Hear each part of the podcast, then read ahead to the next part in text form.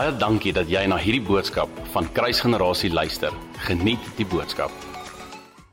Goeiemôre familie, hoop dit gaan goed met elkeen van julle. Hoop julle het lekker geslaap en hoop julle is reg vir die nuwe week. Uh dis Maandag. En ons verklaar dat vandag nie 'n blou maandag gaan wees nie. Dit is my voorreg om net so vinnig devotional te deel met elkeen van julle net 'n vinnige gedagte te gaan gooi. Ek wil sê dat vandag se gedagte kan 'n regte preek wees en eintlik weer na 'n preekreeks toe gaan. So ek het net 5 minute om hierdie met jou te verduidelik. Ek kan nie regtig diepte ingaan nie. So ek gaan gou wegspring. Ons almal ken die gedeelte in 2 Timoteus 1 vers 7 wat praat van die God did not give us a spirit of fear but of love, power and a sound mind. Ons almal ken daai gedeelte. Maar wat ons partykeer vergeet is dat 'n mens baie keer skrif of eintlik altyd skrif in konteks moet lees. En die konteks van hierdie skrifgedeelte gaan eintlik oor Timoteus se gawe. Dit gaan eintlik oor dit wat Paulus vir hom sê in vers 6. So kom ek lees dit vir, vir jou vers 6. Vers 6 sê: "Therefore I remind you to stir up the gift of God which is in you through the laying on of my hands." Andere Paulus sê vir hom, Timoteus, stir up the gift of God that is in you. Nou ons weet dat die gawes van die Heilige Gees vind ons in 1 Korintiërs 12 en daar's 9 van hulle. En wat Paulus hierso vir Timoteus sê is dat um Timoteus het 'n gawe. En Timoteus moenie toelaat dat hierdie gawe dormant gaan lê nie. En dan gaan hy en dan sê hy want God het ons nie 'n gees van vreesagtigheid gegee nie. Met ander woorde, ons moenie toelaat dat vrees vir mense of vrees vir omstandighede of vrees dat daar dalk niks gaan gebeur nie. Ons moet toelaat dat daai vrees maak dat ons gawe gaan dormant lê. Maar hy sê stir up the gift inside of you. En ek is vanoggend so bewus van die feit dat ons seker maak ons gawes, dit wat die Heilige Gees vir ons gegee het, dat ons reg is om dit te kan gebruik um, en dit dat dit nie gaan dormant lê nie. In hierdie tyd waarin ons nou leef, het ons so groot verantwoordelikheid om seker te maak that we represent the kingdom of God well, dat ons God se hart mooi wys en geen beter manier is letterlik om die gawes te laat manifesteer nie want 'n gawe kry ek nie vir myself nie. Ek ontvang die gawe maar hy is nie vir my nie. Ek kry hierdie gawe vir iemand anders. En Paulus sê hier vir Timoteus stir up the gift of God that is inside of you. Nou ek uh, hou daarvan om 'n uh, mango sappie te drink 'n bietjie Sprite Zero. Maar soos wat julle kan sien is hierdie is so klein rukkie terug ingegooi. En wat gebeur het is hier's twee substances. Hier's Sprite Zero en hier's Mango Sap wat hier onder dryf en die enigste manier vir my om seker te maak dat hierdie ding weer ingemeng word en eintlik een is is om letterlik 'n lepel te vat 'n lepel te vat en dit te stir en die oomblik wanneer ek dit stir dan is dit 'n lekker mengsel en dan gaan dit proe soos wat dit moet proe. Dit gaan nie afgewater proe nie. Nou kan jy sien dis dis letterlik mooi gemeng.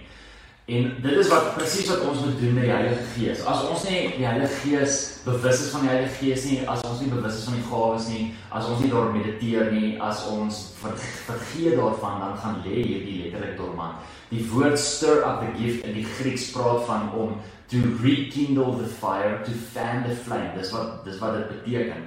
Met ander woorde om nie toe te laat dat hierdie vuur wat binne my hart is dood te gaan nie. So hoe kry ek dit reg? Die antwoord lê eintlik in 1 Timoteus 4, 'n uh, hele boek vorentoe. 1 Timoteus 4 vers 14 tot 15. Hoor wat sê Paulus hier vir Timoteus. Hy sê, "Do not neglect the gift that is in you, which was given to you by prophecy with the laying on of hands of the eldership." Maar hoor wat sê hy nou? Hy sê meditate on these things. Give yourself entirely to them that your progress may be evident to all. Met ander woorde, die oomblik wanneer ek gaan mediteer op dit en die oomblik wanneer ek myself ten volle gaan gee vir hierdie, dan gaan ander mense letterlik die vrug sal kan sien, sal kan sien van hierdie binne in my lewe. So met ander woorde, wat sê Paulus? Paulus sê gaan mediteer daarop. Nou, die oomblik wanneer ons as gelowiges mediteer, is dit nie soos die uh die westerse manier nie. Dis nie dis nie dis nie soos die yoga manier nie. Die oomblik wanneer ons mediteer, beteken dit die volgende. Dit beteken om letterlik die waarheid wat ek in my gees ontvang het, dat die oomblik wanneer ek daarop mediteer, dan graweer ek dit binne my gedagtegang in. Wat beteken dat dit vir my 'n normale gedagtegang word dat die die wêreld se manier nie 'n normale gedagtegang is nie, maar dat God se manier 'n ware gedagtegang is. Dis wat die woord mediteer vir vir ons beteken. En hier is dalk vir jou vyf maniere hoe jy hierdie gift wat God vir jou gegee het. Hier's vyf maniere hoe jy dit kan stir in jou lewe. Hier's vyf maniere hoe jy die die die die fan, die flame kan kan fan. Die eerste een is mediteer daarop, soos wat ons nou net in die skrif gesien het. Die tweede een is herinner jouself daaraan. Paulus kom ook en dit is hoekom therefore I remind you to stir up. Daar's 'n belangrikheid om jouself te herinner aan die gawe wat God vir jou gegee het.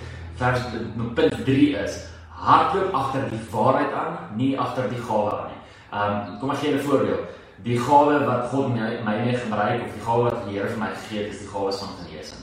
Nou baie keer in die begin het ek agter die gawe aangehardloop in plaas van om agter die waarheid agter genesing aan te hardloop.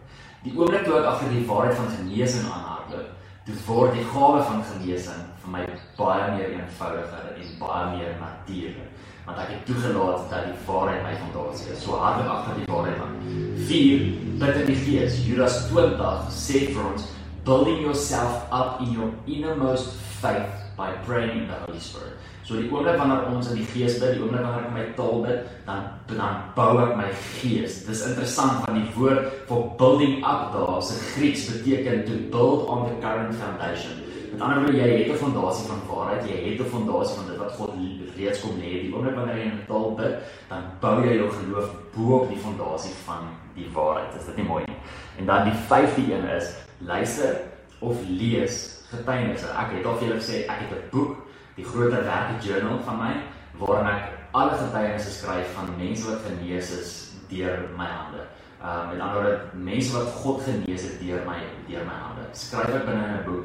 Ek kan lees dit want dit stir my faith en is amazing om te sien wat die Here al alles gedoen het. So dis maniere wat ons kan gebruik om die gift wat in ons is te stir, to fan the flame, om letterlik seker te maak dat the fire is rekindled. En ek wil jou daarmee bemoedig. Kind van die Here, daar's gawe wat die Here vir jou wil gee en daar's gawe wat die Here vir jou gee. Maak seker dat hierdie gawe nie dormant lê nie, want in die tyd wat kom, vir dit wat gaan gebeur en die gees van God wat gaan beweeg na hierdie lockdown, gaan die kerk, die liggaam van Christus letterlik jou gawe nodig hê. So maak seker dat hy nie dormant lê nie. Vader in die naam van Jesus bid ek. Heilige Gees, U is die een wat hierdie gawes vir ons gee. U is die gees van waarheid en ek bid dat U ons sal lei in U waarheid en dat ons met U waarheid so gelei sal word en so gestuur sal word sodat elke een van ons sal seker maak dat ons reg is vir U om deur ons te werk, reg is vir U om ons te kan gebruik. Ons bid, help ons, Lord, help us to stir up the gift that is inside of us. Want ons wil U verheerlik in die naam van Jesus. Dankie dat jy na hierdie podcast geluister het. Indien jy die boodskap geniet het, deel hom asseblief met jou vriende.